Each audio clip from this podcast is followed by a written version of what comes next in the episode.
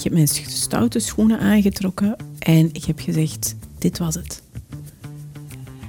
En toen ik die avond naar huis reed, besefte ik dat ik voor de allereerste keer in mijn leven iets deed voor mezelf. En dat ik daar ontzettend blij mee was. En ik had geen idee wat er zou komen, of waar ik naartoe ging, of wat er dan zou gebeuren. Ehm, maar ik had een fantastisch gevoel. En, en de mensen in jouw omgeving? Je ouders bijvoorbeeld, panikeren die niet? Ja, iedereen. Oké. Iedereen raadde het mij ook af. Absoluut. Dat ga je niet maken, kan je niet maken. Je bent carrière aan het maken. Ik werd toen ook gevraagd om, om een reclamebureau mee op te starten. Hmm. Ehm, en ik dacht, nee, dit is heldere taal. Hallo, mijn naam is Peter Perceval. Welkom bij Keerpunt, een podcast over gewone mensen. Mensen zoals u en ik. Mensen die problemen, veranderingen, uitdagingen tegenkomen in hun leven en vertellen over de manier waarop ze daarmee zijn omgegaan, omdat het voor iedereen inspirerend kan zijn. Wil u nog meer afleveringen zien of horen van deze podcast? Dan kan u daarvoor terecht op een van onze kanalen op YouTube, Vimeo, SoundCloud, Apple Music, Google Podcast of Spotify. U kan zich ook abonneren op onze nieuwsbrief via www.inspiringspeech.be en dan krijgt u om de twee weken als eerste te horen wie onze gasten zijn en waarover we met hen praten. In deze aflevering praat ik met Zoe van den Troost. Zoe werd coach na een zeer lange professionele omzwerving. Liefst drie keer kwam haar leven brusk tot stilstand voor ze doorhad dat ze een totaal verkeerd pad bewandelde. Nochtans deed Zoe heel braaf wat er van haar verlangd werd in het leven. Ze werd heel succesvol in de reclamewereld en kreeg zelfs een leidende functie aangeboden in een heel groot agentschap. Maar net op dat moment brak ze helemaal. De dokter die haar toen onderzocht zei haar: Mais vous êtes allergique au boulot. U bent allergisch aan het werk. Ze besloot daarop op reis te gaan. En ze vond tijdens die reis een heleboel antwoorden die ze totaal niet verwacht had op haar levenspad. Over die verrassende ontdekkingsreis vertelt ze in het volgende uur. Welkom Zoe. Dank je. Spannend hè? Ja, toch wel. Absoluut, ja. Waarom vind jij het spannend? Omdat het de eerste keer is. De eerste keer dat je voor een camera je verhaal doet? Of? Ehm, nee, ik denk de, de, de combinatie, de setting, de, de opnames, het feit dat het een podcast is. Ja. Ehm, voor de camera heb ik eigenlijk niet zoveel angst of zo, maar het is echt de combinatie van alles. En dan, ja, ik ken jou ook niet, hè. Ja. Gaan we in het komende uur verandering inbrengen. hè? Oké, goed. Ehm, Dus ik mag jou ook vragen stellen dan. dat mag zeker. Oké. Ja. Dat zou eens verfrissend zijn, dat Ja, je mij wat wel, vragen? Ja. stelt. Ja. Zoe, je bent, ehm, je bent nu coach. Ja, Mag je dat zo noemen? absoluut. Ik heb daar ondertussen vrede mee gevonden. Ja, want je bent daar niet helemaal... eh, je was daar niet helemaal in orde mee van in het begin. Ja, Hoe kwam dat? Goh, ik vind dat zo een, een te algemeen begrip dat eigenlijk iedereen kan gebruiken en, en zichzelf benoemen. En eh, ja, ik vind dat te algemeen. Ja, Dus het zegt veel en niets tegelijkertijd. Zo. ja. En er zijn ook coaches in de meest diverse takken. Absoluut. Ja. waarvan je soms afvraagt, ah, Mm, moet je daarin gecoacht worden? dat ook. Die vraag kan men zich ook stellen. Ja, absoluut. Ja. Maar waarom ben jij het geworden? Hmm. Ga. Ehm, ik zou willen zeggen dat dat niet zozeer een keuze was, als in ik ga nu eens coach worden, Mhm. maar eerder iets dat een gevolg was. Van oké, dit is gewoon de volgende stap. Ehm, waarom ben ik dat precies gaan doen? Omdat ik eigenlijk mijn hele leven precies datgene deed, zijnde mensen inspireren vanuit mijn zijn, vanuit mijn levensvisie, vanuit mijn levensvreugde, vanuit mijn manier van doen en denken. Ehm, mensen daar ook in ten rade staan. Ehm, ik ben ook een goede luisteraar. En de balans was gewoon zoek, als in, ik heb dan mijn job, ik heb mijn functie als ouder, uh, als moeder neem ik mijn, mijn rol in, als partner. En dan daarnaast dat ook nog eens uitvoeren. Um, er ontstond gewoon een te grote disbalans in al die verschillende gebieden, waardoor ik eigenlijk uitgenodigd werd, mede dankzij een burn-out, als het bij velen gaat, ja. om, uh, om het gewoon serieus te gaan doen en om, om er effectief een beroep van te maken. Maar was die burn-out ook een gevolg van het feit dat je heel veel investeerde in andere mensen op dat moment? Ja, ik heb altijd anderen op de eerste plaats gezet in mijn mhm. leven. Oké. Daar gaan we eens over praten. Right. Mhm. Want dat is, denk ik, leerzaam ook voor andere mensen die ja. daarnaar luisteren. Daarom zitten we hier samen. Mhm. Ehm, maar vertel eens, begin altijd met te vragen aan mensen: wie was je toen je 15, 16 was? Ga. Um,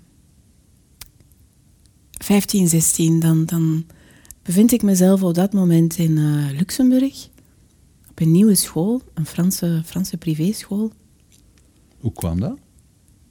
Um, omwille van het feit dat mijn plusvader toen naar daar is verhuisd, samen met mijn moeder. Ik zat toen nog op internaat in Antwerpen. Maar ze vonden het een goed idee om mij mee te nemen. Zelfs al kwamen ze elk weekend terug, zodat ik vlot tweetalig werd. Um, maar het was een privéschool, dus dat was omdat het in Luxemburg eigenlijk geen andere school beschikbaar was. Je moest, voor een. Luxemburgse school moest je ehm, zes jaar Duits achter de rug hebben, wat ik natuurlijk niet had. Okay. Dus mocht ik daar niet binnen en was er enkel nog de keuze tussen de Europese school of de Franse privéschool. En aangezien Frans leren en vlot leren spreken het doel was, mhm. werd het de Franse privéschool. Um, rebels. Hoe uitte zich dat? Door tegenstrijdig te zijn. ja, oké. Okay. Wil je een voorbeeldje geven? Ja. Um, ik denk dat het zo... Het, ik beeld me nu in hoe het, zou, hoe, hoe het zou zijn... Hoe het was voor mijn moeder. En ik denk dat het standaard antwoord altijd nee was of het tegenovergestelde van wat ze van me verwachten. Dus jij zei altijd nee? Innerlijk ja. En uiterlijk niet? Ja, soms niet, nee. Maar er waren heel veel discussies, heel veel ruzies. Uh, kan je voor vanuit jezelf, die tegenstrijdigheid. Ja, kan, je, kan je duiden waar het vandaan kwam? Had je, was je daarvoor dan wel gehoorzaam? Ja, ja ik, dat werd zo'n zo stempel van dat is een lief, braaf meisje. En dan, Vriendelijk. En dan ineens in de puberteit dacht je van, laat maar gaan. Ik denk dat ik dan naar de buitenwereld en, en, en zeker mensen die wat verder van mij afstonden nog steeds deed. Mhm. Maar dat de mensen die dat dichter bij mij stonden een hele andere kant te zien hebben gekregen, ja. Oké. Je zegt dat nu zo aarzelend. Ja, omdat ik, dat is eh, lang geleden. Hè? Dus ik ben terug aan het graven van hoe was dat dan? Maar ik herinner mij nog bijvoorbeeld echt. Ik heb, ik heb van mijn broer um, zijn legerspullen ontleend en dan liep ik rond met van die grote combats en legervesten. Um, en ik ben toen ook rond die tijd beginnen experimenteren met drugs. Um, ik dronk tamelijk veel al. Ik glipte s'nachts stiekem weg. Ehm, al dat soort dingen. Oké. Maar als je dat soort dingen doet, dan wil je ook iets verdoven of dan wil je iets... Absoluut. Dan wil je iets zalven of wegdoen. Ja. Wat, wat was dat dan? De, diepe pijn van dat kind dat eigenlijk vol verwondering open, ehm, curiositeit en, en ja, levenslust. Tegenslagen krijgt, pijn te verwerken krijgt, ziet dat toch. Wat waren die tegenslagen die zo'n impact op je hadden? Ik denk dat dat voornamelijk onder één grote koepel mag worden samengevat als teleurgesteld zijn in de mens. Oké, dat is heftig als je zo jong bent. Ja, dat, dat voelde ook inderdaad heel heftig. Ik heb mij heel, heel alleen gevoeld. En waarom was je dan teleurgesteld in de mensen? Ehm, omdat de liefde die, die ik voelde en ervaarde voor, voor het leven en voor mensen in het algemeen en voor dieren en voor alles wat er leeft en, en hier is, dat ik dat niet weer spiegeld zag. Mhm. Eigenlijk net het tegenovergestelde. Dat, dat waren de spiegels die ik kreeg. Maar je zou er ook cynisch van kunnen geworden zijn en dat ben, je, dat ben je niet gaan doen. Je werd opstandig. Ja, Heb je ooit die keuze, heb je voor die keuze gestaan? Eh, nee. Nee? Nee, ik heb altijd gevoeld van... Er komt een dag... Dat ik een andere ervaring ga opdoen. Of dat ik een andere realiteit creëer. Of, en tot die dag ga ik vechten. Je zegt dat nu, Mhm. eh, maar er is een hele tijd over gegaan voor je die dag vond. Ja, absoluut. En, en je hebt ook een heleboel sporen bewandeld Mhm. voor je die dag vond. En dacht je dan, als je op die andere sporen was, van misschien is dit het? Ja, misschien wel. Ehm, Want niet alle sporen zijn even bewust. Ja, je, je hebt in een en reclamebureau gewerkt. Ja. Ja, ik, ehm, ik ben eigenlijk... Dus we zitten in, in, in de puberteit. Ik heb gewacht tot mijn 18. Ehm, en ik leefde echt naar die 18e verjaardag toe. En ik dacht, als ik 18 ben, dan kan ik mijn eigen leven in handen nemen. Ja. En dat is geëindigd ehm, met dat ik alle spaarcenten die mijn grootmoeder had opgespaard voor mij heb geïnvesteerd in een appartement waarin ik zou gaan wonen. Om dan alleen mijn boontjes te kunnen gaan doppen. Ehm, mijn ouders die me dat verboden hebben en mij naar de psychiater hebben gestuurd. En, dus jij had al een appartement gehuurd of gekocht? Hoe zat dat Ja, gehuurd. Gehuurd. Ja. En dan zeiden jouw ouders, je moet nu naar de psychiater. Ja, dat was voor hen absoluut geen optie. Ehm, Maar vonden ze jou daarvoor dan labiel of zo?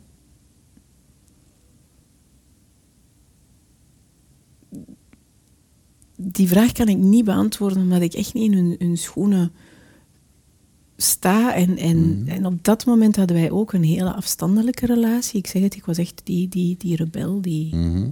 doffies eigenlijk nee zei. Ehm, zelfs al zei ik, want ik, ik kan me nu inbeelden dat, dat dat misschien niet altijd zo is overgekomen. Ehm, dat er ook wel vele keren waren dat ik gewoon ja zei, maar dat het innerlijk toch een nee was. En waarbij ik dus over mijn eigen grenzen ook vaak ben gegaan. Ehm, ik denk dat zij in eerste instantie heel verrast waren. Absoluut. En zoiets hadden van, oei, nu moeten we echt iets gaan doen. Maar waren ze dan waren ze streng op de een of andere manier? Want Ja. ze, ze, ze, hadden wel, ze hadden jou wel zien experimenteren met, met, met alcohol en drugs. Niet, dat hadden ze niet begrepen, dat is Nee. niet door. Nee, Oké. Deed je dat dan zo goed verborgen? Hoe? klaarblijkelijk. Ja. Ja, dat is iets dat pas, ik denk, ehm, begin mijn dertiger jaren helder is geworden tijdens gesprekken. Ze wisten dat niet? Nee. Nee, mijn, mijn moeder was, was, was echt helemaal verrast. Mhm. Zeg maar, je bent dan eh, je bent wel alleen gaan wonen. Nee, dus niet. Dus ik ben eigenlijk tijdens mijn bezoeken aan de ehm, psychiater, heb ik dan, wat, wat trouwens een fantastische ervaring was, want die persoon praatte niet met mij. Die liet mij gewoon ademhalingsoefeningen doen. Mhm. Waardoor ik de dingen veel beter ben kunnen beginnen relativeren. In plaats van het mij zodanig aan te trekken en het mij eigen te maken, kon ik meer afstand nemen. Mhm. En op die manier een bepaalde vrede vinden dat de dingen, ja, dat het zo verliep. En dus ben ik dat pad dat mijn ouders eigenlijk voor mij hadden uitgestippeld, goed blijven bewandelen. En wat was dat Mits de nodige verdoving natuurlijk. En wat was dat pad? Een, een, mooie carrière maken? Wat, wat, Ja, studies. ehm, wat ben je gaan studeren dan? ik ben de eerste... Eerst heb ik vertaler-tolk gestudeerd. En dan ben ik marketing en communicatie gaan studeren. Oké. En voor mij was dat iets... Beide keuzes waren... Ja, met talen kan je altijd wel iets. En communicatie, daar zal ik ook wel iets mee vinden. Om dan uiteindelijk te beseffen van... Ah, er zit een vlinder. Er zit hier een vlinder binnen. Leuk. Ja. We gaan ons daar niet te veel vragen bij stellen. Dat in januari hier een vlinder rondfladdert.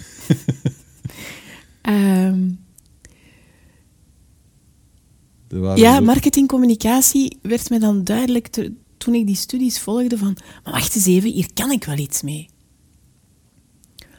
Als we nu die reclame bijvoorbeeld eens gaan gebruiken om positieve boodschappen, om vreugde te gaan verspreiden, om Mhm.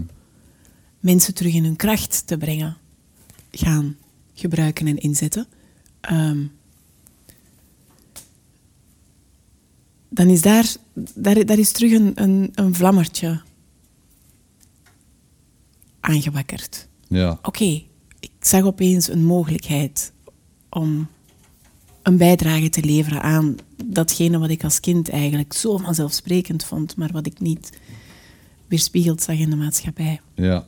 Dus dat werd een, een middel. En vandaar dat ik ook in de reclame ben beland dan. Eh, want dan ben ik die ervaring aangegaan. En dat was vrij organisch. Je kreeg eigenlijk, een, Ja. je kreeg eigenlijk onmiddellijk een aanbieding of een... Of een Ja, ja via het, het netwerk van mijn ouders dan eh, mocht ik deelnemen aan een, ehm, een pitch ja. in een reclamebureau. En als die pitcher, allee, als, als die klant binnenkwam, dan vond ik daar een, eh, kreeg ik daar een, een job. Oké. En het grappige is, we hebben die klant binnengehaald, maar ik heb nooit voor die klant gewerkt. Dus je was, meteen, je was in dienst bij een reclamebureau. ja, En eh, dat was een grote boot. ja, tamelijk. Ja. Dus dat, is, dat gaat over geweldig veel geld dat, die- Ja. die- dat daar rondging. Mhm, absoluut. En dus wat het fijne is, is dat ik daar ook best veel verantwoordelijkheden kreeg. Ik was zo de rechterhand van de... eh, rechterhand, dat is misschien ook overdreven, maar ik had een hele goede... Ik werd onder de hoede genomen door de ehm, strategisch directeur en dus ook bij tamelijk veel zaken betrokken. Mhm. Interessante dingen ook. Ehm, ik werd er ook op uitgestuurd om interessante opleidingen te gaan volgen. En ehm, ik mocht tevens alle goodwill doen. Wat ik natuurlijk heel fijn vond, want Mhm. Dat was een van de dingen waar ik op uit was. Wa- Dus eh, organisaties, liefdadigheidswerk en, en dergelijke. Ja, inderdaad. Dat was, dat was een deel van je werk. Maar je zei net van, dat was via het netwerk van mijn ouders. Hier waren zij dan nog heel aanwezig als jij daar werkte? Nee. Nee. Mhm. Nee, omdat ik toen echt alleen ben gaan wonen en, en mijn eigen ben beginnen. Maar je bleef jezelf verdoven, zei je. Ja. En wat moet ik me daarbij voorstellen? Mm, veel drinken Mhm. en ja, ook marihuana roken. Ja. En dat was het wel, meer niet. ja. En, maar kon je dan nog werken? Blijkbaar wel. in mijn leven ook wel industriële hoeveelheden Ja. wiet gerookt. Maar ik kan wel zeggen dat het eh, de arbeidsprestaties niet ten goede kwam. Ja, inderdaad. Ehm, nu, ik deed dat ook niet tijdens mijn werk, hè. Mhm. maar wel de avonden, zeker. Ehm, en op heel regelmatige basis. Ik denk dat voornamelijk in, in de reclame was het voornamelijk de alcohol die zo aanwezig was. Ook Mm. Vanuit de reclame natuurlijk. Hè. Dat, dus Ja. Constant feestjes. ehm, je gaat elke dag lunchen. En je moest meedrinken. Niks moet natuurlijk, maar ja. Vond je jezelf leuker als je, als je dronk? Ehm, Toen bedoel ik, hè? Ja, ja, ja. Niet- ik ben aan, ben aan het nadenken. Goh, leuker. Ik, was, ik voelde mezelf eh, vrijer, omdat ik mezelf veel minder oplegde. En nogal kritisch en perfectionistisch van aard. Dus dan, dan viel dat allemaal zo wat weg en dan was er wat meer vrijheid. Oké. Maar je bent op een gegeven moment zwaar tegen de muur gelopen daarmee. Ja, zwaar. Ehm, ik, ehm, we praten daarover in ons, in ons programma. Hè. Je hebt, je hebt, we maken de vergelijking met het leven nodigt je dan uit. En eerst is dat met een, een veertje. En dan is dat met een, een baksteen. En dan komt de truck, de, de camion eraan. Mhm. En toen destijds was dat nog het veertje. Zo heel zachtjes van, hier klopt iets niet. ik, ik, had een, ik had altijd een gevoel, s'avonds, als ik alleen was en ik rolde dan een joint, dan wist ik echt dat dat was om iets te verdoven. En dan wist ik ook, ik maakte mezelf de bedenking, dat er mensen waren die een, na een dag werk een goed gevoel hebben. Mhm. En dat ik na een dag werk mij moest verdoven. En ik kon daar geen. Ik merkte op dat er innerlijk geen vrede was met het werk dat ik deed. Omdat ik heel goed wist dat dat.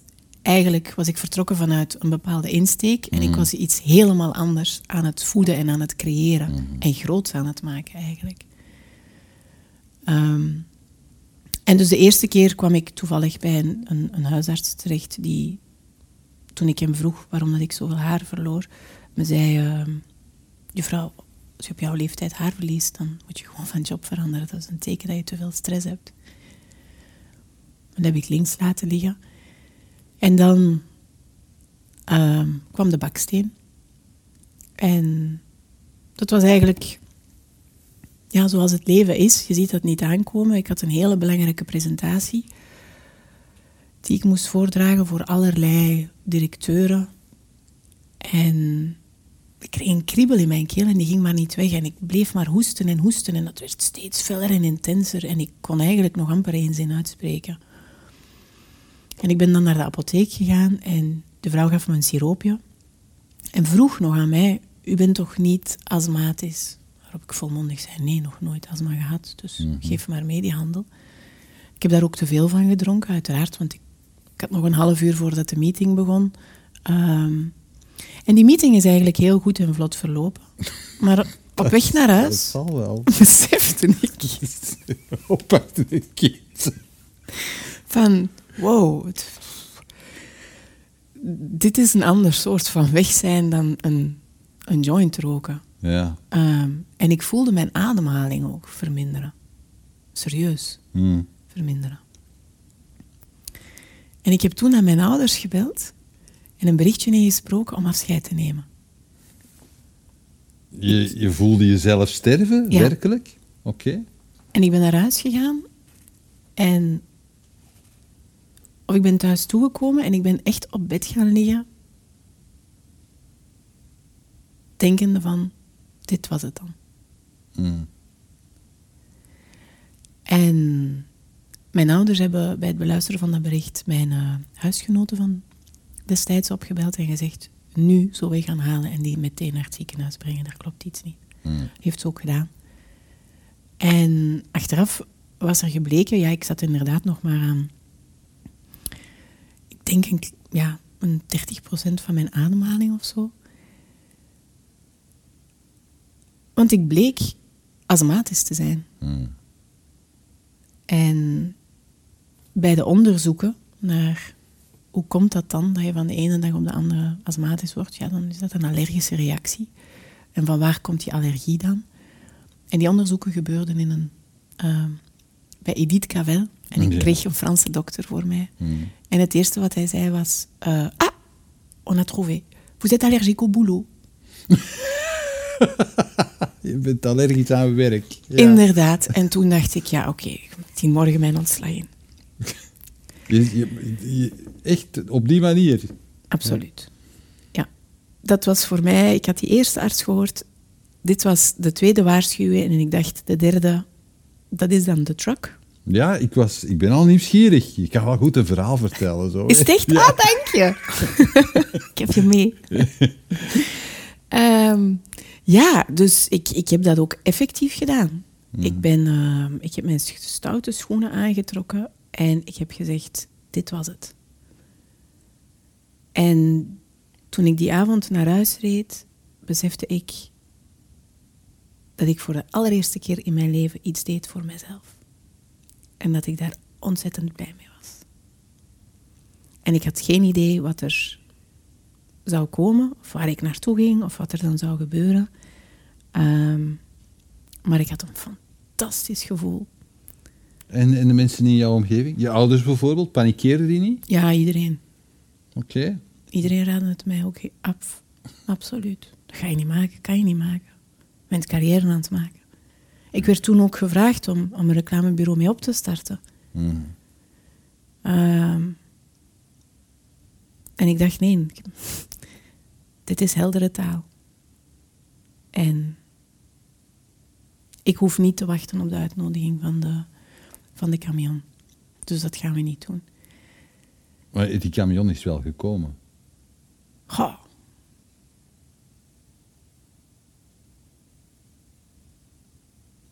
Misschien de burn-out? Hmm. Ja. Ik denk dat dat vergelijkbaar is. Misschien. Alhoewel, ik weet het niet. Maar dat is een hele tijd later gebeurd. Ja, inderdaad. Dat was voldoende voor, voor dat moment. Dan ben ik een andere weg ingeslagen. En ik had geen idee de welke. Hè. Dus ik, ik had de, de oerchance dat ik daar in een, in een positie zat waarin ze mij eigenlijk niet konden missen. Dus ze hebben mij toen een, een mooi voorstel gemaakt, wat dat maakte dat ik eh, even de financiële ruimte kreeg om het wat uit te zoeken. En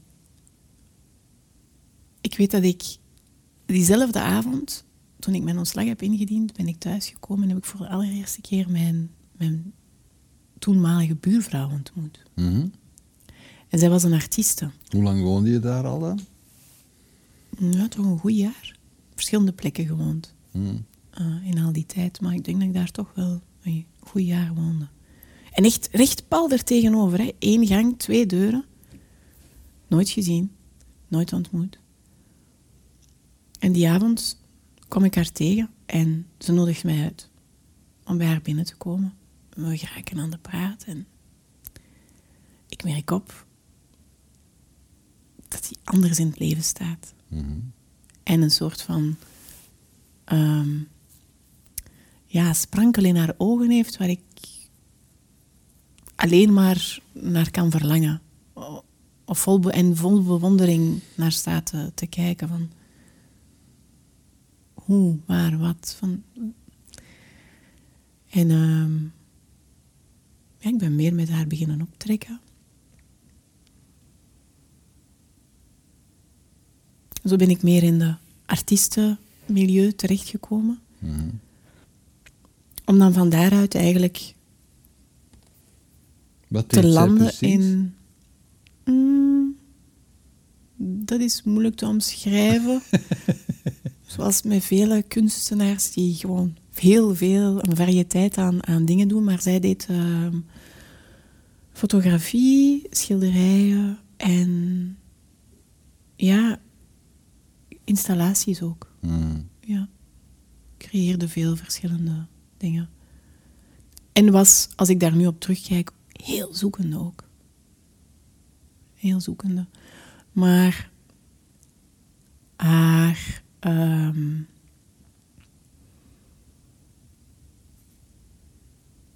ervaringen met het spirituele spraken mij aan. Dat had jij totaal niet. Tot dan toe had jij geen. Eh, geen enkele voeling daarmee.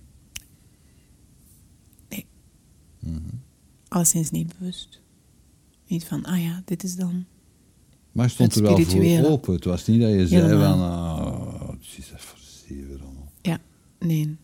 Nee, voor mij leek dat net meer zin te geven. Ehm, en het is via heel dat netwerk eigenlijk dat ik dan ben beginnen werken voor een, een kleinschalige kunst- en muziekuitgeverij Mm. die zich bevond en die integraal deel uitmaakte van een Tibetaans home cooking restaurant in eh, Hartje Brussel, waar dat allerlei kunstenaars en een mengelmoes van mensen rond één tafel Ja. aten en gesprekken voerden over die zingeving. Wat dat dan is. Hoe oud was je toen? 27. Oké. En dus daar ging een hele nieuwe wereld voor mij open. Want daar kon ik dan mijn kennis ten dienste stellen van iets wat mij heel zinvol leek, zijnde die artiesten ondersteunen, die projecten mee neerzetten, vormgeven. En tegelijkertijd kreeg ik veel voeding. En zo, al die tijd was je ook alleen? Ik bedoel, je had geen, geen relatie? Ja, die tijd was, ik alleen. Eh, ja, absoluut. Oké. Ja. Dus je koos er echt voor om, om alleen te zoeken, pardon. Ja, ik denk dat mijn, mijn, mijn zoektocht toen voornamelijk bestond uit het proeven en het experimenteren. En dat ik me daar niet zozeer in wou ehm, vastzetten. In eender welke vorm. Ik was echt heel zoekende. Want die ervaring heeft ook geleid naar uiteindelijk mijn, mijn reis naar Ierland. En ik weet nog op het moment dat ik vertrok dat een onkel van me tegen me zei: Ik hoop dat je jezelf gaat vinden. En ik dacht toen: Tja, wat ben ik daar dan zo naar op zoek? Maar eigenlijk was dat een hele lange zoektocht, inderdaad dat was, ik was daar mezelf daar gewoon niet van bewust. En het is net door dat experimenteren, door te, te, te gaan allerlei ervaringen opdoen,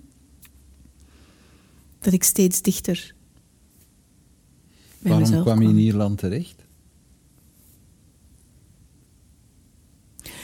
Wel, ehm, uiteindelijk is dat, eh, is dat gestopt, dat, dat restaurant en, en die kleine kunst- en muziekuitgeverij. En dan heb ik nog een projectje gedaan voor Oxfam. En dan dacht ik, wat nu? En het enige wat ik me herinnerde, wat ik echt wou, al van kinds af aan, was gaan rondreizen zo vrij als een vogel en effectief gewoon kunnen meegaan met de wind. En dan bedoel ik met de wind in de rug en niet tegen de wind tegenin.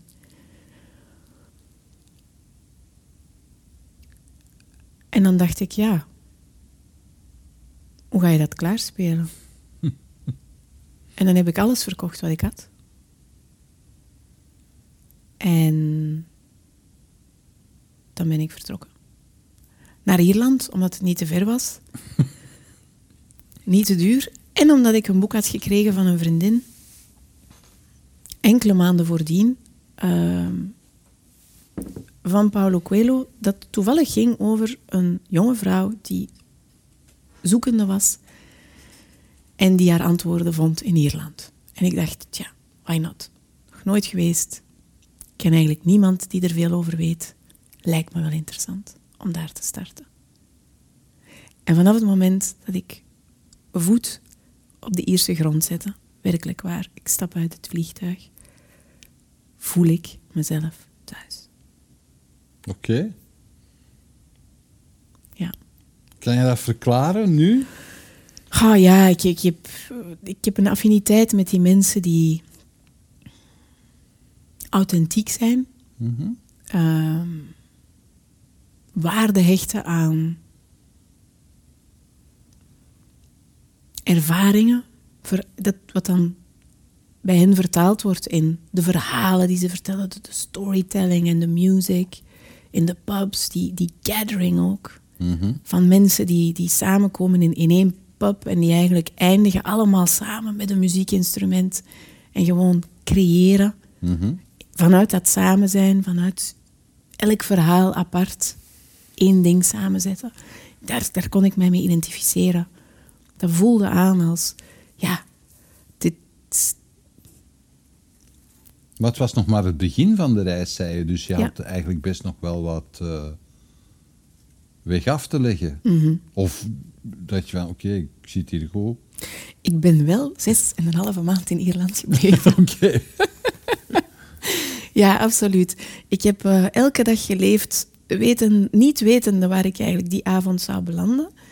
Om te, om te gaan slapen. Of toen zei ik op, op eh, langere tijd op, op bepaalde plekken verbleven. Maar ehm, ik had geen enkel verder doel dan... Oké, kijken waar het leven me brengt. En op de meest gekke plekken. En de meest fantastische ervaringen. Maar Was je toen ook al gestopt met drinken en zo? Veel minder, absoluut. Ja, ik, ehm, ik had daar die behoefte ook niet. Dus dat is, zich beginnen, dat is eigenlijk beginnen afnemen op het moment dat ik in dat, in dat restaurant werkte. En daar is mij ook bewust, daar ben ik ook bewust geworden van het feit, mede dankzij twee ervaringsdeskundigen, die me op een bepaald moment zagen grijpen naar alcohol na een hele intense ervaring met mijn ouders. En alle twee zeiden vanuit hun wijsheid: I wouldn't do that if I were you. En toen werd het mij helder dat ik eigenlijk aan het drinken was om iets weg te drinken. Om pijn en verdriet weg te duwen. Zegt ze dat ook zo letterlijk voor jou? Ja. Oké. Ik Hoe zal dat nooit vergeten. Die zaten daar alle twee met hun English cup of tea. I wouldn't do that. Eh, maar hoe kwam het dat je dat aannam? In eerste instantie ging ik toen die avond, kwam ik in opstand. Ik zeg, hoe, hoe- jullie twee, hoe kunnen jullie mij nu iets zeggen? De helft van de- hun leven echt, ja, ehm, dat waren twee Engelsmannen die in een band hadden gezeten, echt rock and roll, full on. Drugs, alcohol, maar in zondanige mate dat ze veel stukken ook niet meer weten. Ehm, ook gekenmerkt. Je ziet dat dan ook echt van. Dat heeft hen gekenmerkt, fysiek ook. How dare you? En tegelijkertijd intrigeerde me het van, ja, maar als zij het zeggen, waarom zeggen ze dit dan? Als ik dat zo hoor, waren je ouders ook wel redelijk dominant aanwezig, hè? Toen veel minder, maar in, in mijn kindertijd en, en jonge volwassenheid, ja. Maar ze hadden wel duidelijke impact op jou, want je zei, ik had een, ik had een nare ervaring met mijn ouders en ik ging dan, ik wilde dat wegdrinken. Ja, ja dat was toen een voorval. Hè? Mhm. En toen werd het voor, zo werd het eigenlijk voor mij echt helder. Van oké, je bent hier... Je gebruikt alcohol om dingen te verstoppen, om, om, om weg, te, weg te drinken. En dus dat is dan beginnen minderen. En in Ierland had ik die behoefte helemaal niet meer. En de ervaringen die ik daar had, waren, hadden ook zo'n zodanige impact op mij, dat ik gewoon veel, steeds meer de verbinding met het leven en de intensiteit ervan kon voelen en kon pakken. En ja, ik, ik, ik denk dan aan, aan dingen zoals toekomen op een, op een plek en daar niemand kennen. Moet je je voorstellen, een, een heuvel vol eh, rotsen waar ze toen een dat was het begin van wat vandaag een prachtige plek is geworden. Maar dat was echt het allereerste begin daarvan, Karek Dulra. Ze wouden daar een permacultuurtuin Mhm. op zetten. Maar dat was een en al rots. en ze hadden ook maar die lab kunnen kopen, omdat de boeren daar rond alle rotsblokken daar hadden gedumpt. En de rest van de grond eigenlijk voor zichzelf gebruikten. En ja, dat was een, een lap grond waar eigenlijk niets meer mee kon gebeuren. En daar werd ik uitgenodigd de dag dat ik toekwam om deel uit te maken van een ehm, full moon red tent circle met vijf vrouwen die mijn oma's hadden kunnen zijn. En we zijn een heel weekend in een tippie-tent die we dan zelf hadden opgemaakt en, en hout gaan sprokkelen en vuur maken. In die tent gedoken. En alleen maar verhalen gedeeld en verteld. En ik voelde mij zo ontzettend verbonden met die vrouwen. En ik voelde ook dat ik eigenlijk voor het eerst een soort van zusterschap In de traditie waren dat soort gatherings, dat soort tenten, waren eigenlijk vooral tenten waar vrouwen samenkwamen als het menstrueren waren. Ja. En dat was ook ter ere daarvan, omdat een van hun dochters net was begonnen menstrueren. Oké. En het feit dat ze mij daar dan ook voor uitnodigde, ehm, dat is dan ook zo weer louter. Ja, ik noem dat dan toeval. Ierland zeggen ze, if you believe in such things. Ehm, dat ik daarbij mocht zijn en dat ik dus effectief die, die ervaring mocht aangaan. Om te horen hoe het is als je elkaar ondersteunt en je ervaringen deelt en je kennis deelt en je wijsheid deelt en het allerbeste voor iemand anders toewenst. En zo kwam ik steeds meer terug bij dat kind in mij dat eigenlijk exact die overtuigingen had en zo in het leven stond. Je hebt nog heel veel puzzelstukken moeten leggen dan daarna ook. Ja, ja, heel zeker. Ehm, dat, dat was.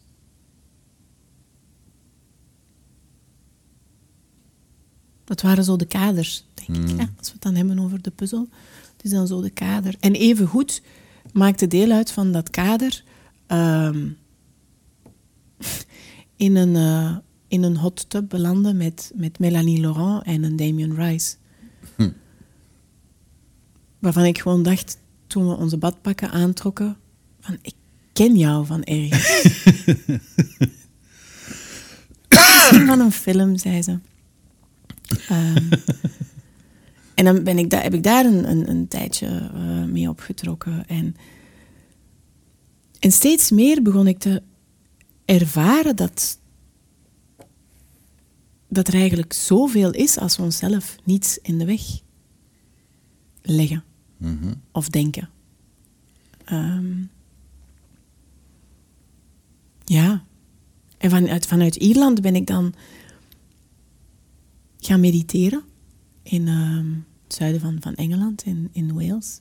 Dan heb ik zo een paar keer achter elkaar een, een elfdaagse Vipassana retraite gedaan. Mm. En van daaruit had ik echt de vurige wens om al datgene wat ik dan had verzameld aan, aan materiaal, bij wijze van spreken, aan inzichten, om dat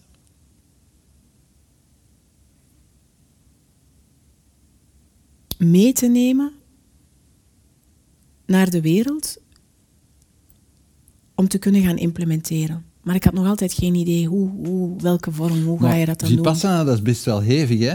Ja, Dus eh, absoluut. je, je, je Ja. komt jezelf vele keren tegen Mhm.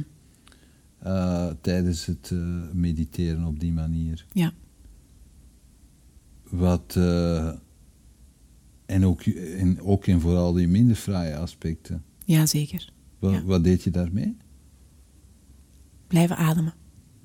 ja. Ja, wat doe je daarmee? Wat kan je daarmee doen? Mhm. Ja, ik kan ze niet opschrijven. Je kan ze er niet uitroepen, want het moet daar stil blijven. Ehm, je kan ze er niet uitsporten, je kan ze niet wegdrinken, je kan ze niet...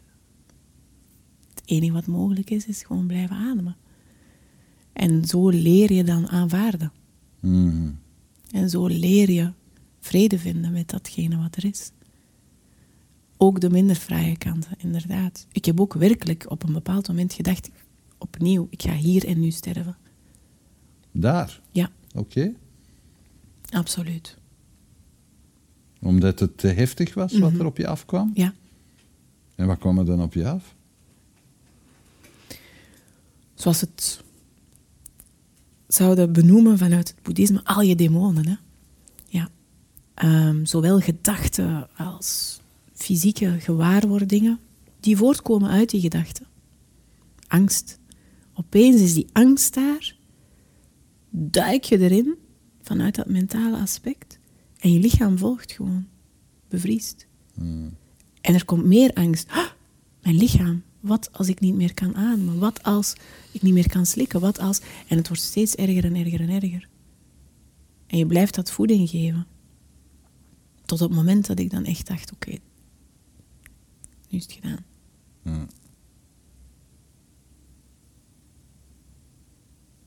Maar het was niet gedaan. Nee. Maar het wel een soort bijna doodervaring dan. Ik weet het niet. Ik denk als ik, wanneer ik praat met mensen die effectief een bijna doodervaring hebben gehad, dan denk ik dat dat was het niet. Eh, ik, ik zat gewoon in mijn hoofd en ik, zat, ik, ik heb heel veel angsten ervaren. Ja. Ja. Ehm, wat er wel eens gebeurd is, is dat er. dat ik dankzij eigenlijk iets, iets miniems gewoon mijn gedachten heb kunnen verzetten. En dat ik ontzettend hard ben beginnen lachen. Met Mhm. mezelf. Van, En wat was dat dan? een gevoel. Een gevoel binnenin. Jeuk. Je had jeuk en je moest Ik had ineens lachen. jeuk. Ja. En alles leek plots, al die gedachten, al die... Ik ga kunnen ademen, het is het einde van de wereld. Ik ga, wat gaat er nu gebeuren? Jeuk. En opeens dacht ik, wat een onzin. Wat een onzin, al die gedachten. En moest ik lachen. Omwille van die jeuk, maar voornamelijk ook omwille van al die belachelijke gedachten die me zo ver kunnen drijven, dat heel mijn lichaam daarop gaat reageren. Mhm. Oké. Maar dan is natuurlijk nog de stap die gedachten allemaal afleggen. En vooral wat je zei van... Ja, ik, ik had een missie. Ik, had een, Ja. ik, ik wilde zelf iets in de wereld gaan zetten. Hoe is dat dan gegaan? Stapje voor stapje. Ehm, eigenlijk zijn mijn dochters mijn, eh, zijn daartoe een, een, een mooie... Die hebben mij echt uitgenodigd van oké, nu mag je gaan, gaan manifesteren. Wanneer, mag wanneer het gaan ben je moeder geworden? Ja, dus ik ben eigenlijk teruggekomen van die reis. Ik had dan uiteraard geen geld meer, geen plaats meer, enkele rugzak met wat kleren erin. En dus ik moest ergens opnieuw opstarten. En ehm, ik kwam toen terecht, toevallig, if you believe in such things, ehm, op een retraitecentrum waar ik kon werken en inwonen tegelijkertijd. En waar alles draaide rond bewustzijn. Mhm. Bewust leven. En er werden dus allerlei cursussen en zo georganiseerd. En daar viel het mij op dat alles wat dat daar gebeurde en plaatsvond, want ik heb daar uiteraard dan veel verschillende dingen meegedaan en ook weer dat, dat proeven, dat ervaren ik, Mhm. dat het altijd neerkwam op het ehm, helen van dat innerlijke kind. Mhm. En dan dacht ik, als, als al die volwassenen naar hier komen om hun innerlijke kind te helen, waarom is er dan niemand bezig met ouders uit te leggen hoe ze kunnen voorkomen dat hun kinderen gekwetst worden en later hier terechtkomen. Lijkt me zinvol. Mij ook. Alhoewel een slecht businessmodel, want dan komen die kinderen niet meer. Uiteraard. Toen was ik nog niet zo business-minded. of had ik nog niet die ervaringen van oké, hoe ga je dat dan vertalen? Maar ben ik dat dus wel effectief gaan doen. Op het moment dat ik dan zelf uh, mama werd, dacht ik oké, ik wil nu ook wel alle tools in huis hebben om te weten hoe ik dit ga voorkomen. Hmm. En wat is dat dan? Dat is dan voornamelijk clean up your own shit first. Hmm. Want anders draag je hem gewoon over aan je kinderen. Ehm, en dus zij, mijn kinderen zijn eigenlijk de, de eerste uitnodiging geweest van oké, laat ons samen met, met andere ouders hier een ander soort van ja, ehm, opvoeding gaan neerzetten. En wou ik dus effectief preventief, en ik heb dat ook gedaan een, een jaar, ehm, heb ik een, eigenlijk een toenmalige coachingpraktijk gehad, waarin ik allerlei activiteiten en, en ehm, evenementen en ook coaching gaf Hmm. voor ouders en kinderen. Specifiek rond dat preventieve gedeelte. Niet vanuit er is een problematiek, maar oké, hoe kunnen we dit anders gaan doen? Maar je zou ook kunnen zeggen vanuit, je, vanuit de filosofie van het hoort bij het leven. Dat soort Absoluut. kwetsuren. Ja, In plaats van mensen te gaan behoeden, Mhm. zou je kunnen zeggen van ja, het is... Het, eh, het hoort erbij. ja, absoluut. Dat is een andere visie, denk ik. Hè? En wat, ik, wat, ik, wat ik vind dat erbij hoort, is... Er, we gaan altijd geconfronteerd worden met pijn, verdriet, verlies. ehm, er gaan altijd uitdagingen zijn. Altijd. Want die horen integraal bij het leven. Het is niet of-of, het is en-en. En als je het moet, noemen in termen van goed, slecht, zwart, wit, yin-yang, ehm, licht, donker, eh, liefde, angst. Hmm. Het is en. Beide. Maar daarom hoeft het nog niet te zijn dat we. dat er zodanig. dat. die. die ehm, hoe zal ik het zeggen?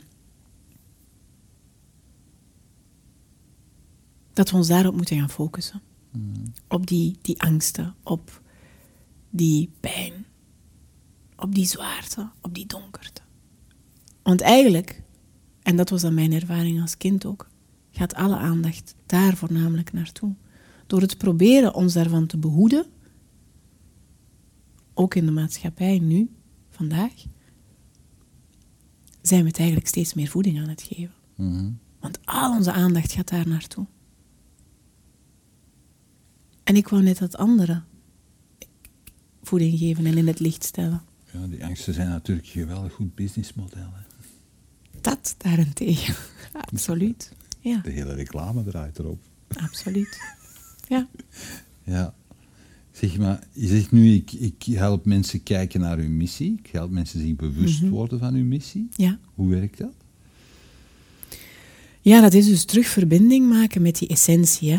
Wie ben jij? Wat is jouw reden van bestaan hier? Ja, maar dat doet... Dat is het verhaal van het leven, zeg ik soms Ja. tegen mensen die ik tegenkom. Je, dat, dat, daar doe je soms... Als je geluk hebt, doe je er 30 jaar over. Als, je, als, als je minder geluk hebt, duurt dat 50 of 60 jaar. Ja. Ja, en dus Sommige daar, mensen daarbij... vinden het nooit. Absoluut. Ja. Dat is dan misschien omdat ze niet zoeken.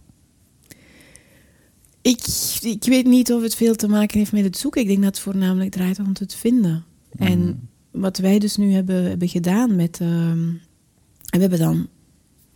eh, ik ben dan uiteindelijk coach geworden. En vanuit dat, dat coaching gegeven is er iets gegroeid in samenwerking met Mieke. En zijn we gekomen tot... Oké, eigenlijk is het allerbelangrijkste je dat terug herinneren. En hoe zijn wij daarbij gekomen? En zijn we al die ingrediënten beginnen samenleggen en hebben we dus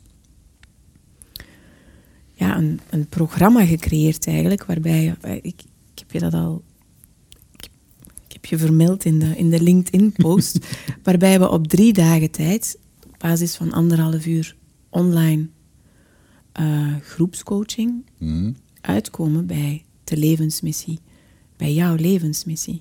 En heb je ook mensen daarna ehm, die zeggen van halleluja, ik heb het gevonden. Ik ga nu in een laken eh, rondhuppelen. en eh, de, dus de, die dan eh, met zorgelijke blik door hun omgeving geïnterneerd worden. Nee, wat we dan doen is, en nu komt het businessmodel Ja. eraan. Ja, wat doe je daar dan verder mee? Hè? Want inderdaad, oftewel ga je rondhuppelen in je laken en verklaart iedereen je voor gek, oftewel maak je er een business van. Ja, En als je er een business van maakt, dan vindt iedereen het fantastisch. dan ga je lakens verkopen. Bijvoorbeeld. Ja, sorry dat ik het zo op flessen trek, maar het is een beetje... Maar dat is het ook. Mensen, mensen kijken soms naar dat soort dingen vanuit dat perspectief van, ja, dat is...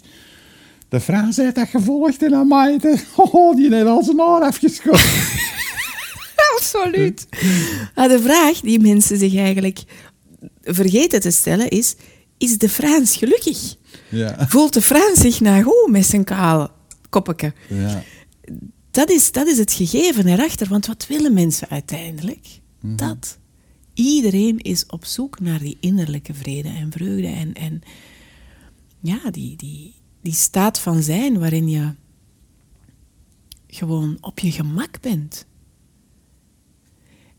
En onze benadering is, wanneer dat je levensmissie, jouw reden van zijn, jouw, jouw purpose helder wordt en daarnaar gaat handelen om die vorm te geven. En een van die vormen is een business daarmee opstarten. ehm, dan opeens krijgt je leven veel meer zin. En dan sta je dus ook op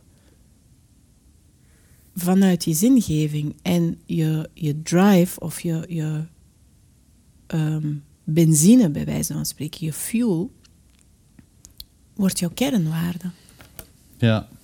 En, je daarmee identificeren. En Ben jij zelf nu op het... Klinkt een beetje morbid, maar ik bedoel het niet zo. Op het eindstation?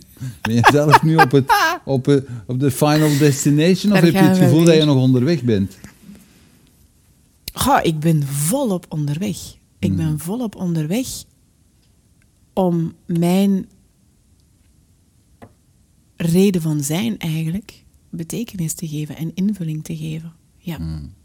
En dat ben ik dus aan het doen door het neerzetten van ja, een, een, op dit moment een online programma. Door, door het verder uitbouwen van alle potentieel dat daarin zit, in die samenwerking ook. En te gaan kijken naar wat, wat dient er zich aan, wat, wat, wat ontstaat er. Want de dingen ontstaan dan werkelijk. Ik had niet kunnen bedenken dat ik coach zou worden na mijn, na mijn burn-out. Ik had niet kunnen bedenken dat ik ook weer van daaruit van die, die stap te zetten. En wat ook weer een heel gewaagde stap was. Hè, want ik was net gescheiden, ik had net een huis gekocht.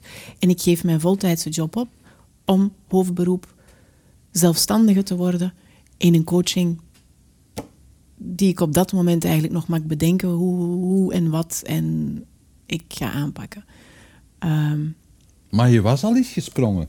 ja, inderdaad. Dus van daaruit, had je, van daaruit wist Ja. je, ik ga niet dood. Inderdaad. Ja, die ervaring had ik al. Is dat de les? Gewoon springen en zien van... En weten dat je niet doodgaat? De les. Moeten we afronden op een les?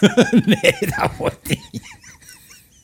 Ik zou niet willen zeggen of dat de les is. Ik denk wat, wat, waar het leven je toe uitnodigt, is gewoon de ervaring. Dit is het leven. Met alles erop en eraan. Al die kleuren, al die geuren, al die ervaringen, al die liefde, al die pijn. Dit is het leven en ervaar het gewoon volop.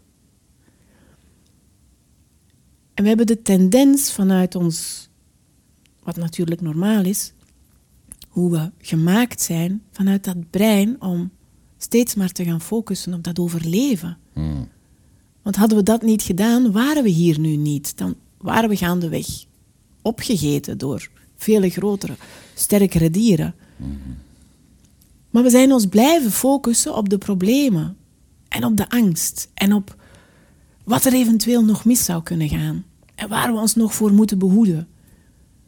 En dat zijn we blijven voeden.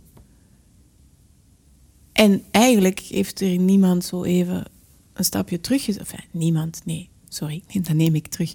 Maar is het, de meeste, het grootste stuk van de maatschappij nog bezig daarmee? Hmm.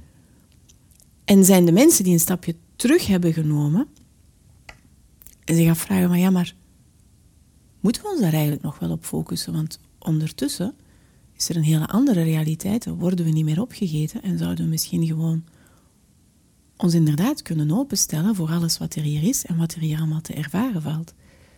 Zonder heel de tijd al onze aandacht daarop te richten. Ja, maar er wordt natuurlijk geweldige, geweldige narratieven gecreëerd om ons te zeggen dat er, dat er wel van alles is dat ons gaat opeten. Hè? Absoluut, ja. En dat is natuurlijk, zoals je het precies goed verwoorden voordien, een fantastisch businessmodel. Ja. Want dat maakt dat mensen blijven consumeren en eigenlijk blijven overtuigd zijn dat zij het niet kunnen. Mhm. Dat zij die kracht in zichzelf niet hebben, dat zij zich niet kunnen herinneren wie ze zijn, wat ze hier komen doen en dat ze dat effectief ook kunnen weer realiseren. Oké. Zo, ik rond altijd af met, de- met een, een klassieker. En dat is de vraag, als jij jezelf nu zou terug tegenkomen Ja. als 16-jarige, wat, wat zou je dan zeggen? Dan ga ik dat op zijn turnout zeggen, hè, want ik ben eigenlijk oorspronkelijk van turnout. Hè. Dan ga ik zeggen, troost, no worries, everything's gonna be just alright. Ja, Wist, dat, toen wist ze dat niet. nee, ik heb mij toen vaak afgevraagd van, is het dit nu? Is dit ook het wel waard? Wat kom ik hier dan doen? Als het dit maar is. Had je ook e- erg morbide gedachten toen? Had je echt suicidale gedachten Ja. daarover? Ja. Aan geluk dat je het niet gedaan hebt. Absoluut. Ja. Vond het fijn met jou te praten zo. Hè? Ah, dankjewel. Ik ook. En nu heb ik jou geen enkele vraag gesteld. Daar ben ik weer netjes onderuit gekomen. Bedankt. Ja. Bedankt dat je keek naar deze aflevering van Keerpunt. Wil je op de hoogte blijven van nieuwe afleveringen en nieuwe interessante gasten? Abonneer je dan op onze nieuwsbrief via www.inspiringspeech.be. Iedere twee weken brengen wij een nieuwe aflevering online op inspiringspeech.be, YouTube, Vimeo en Soundcloud. Tot ziens.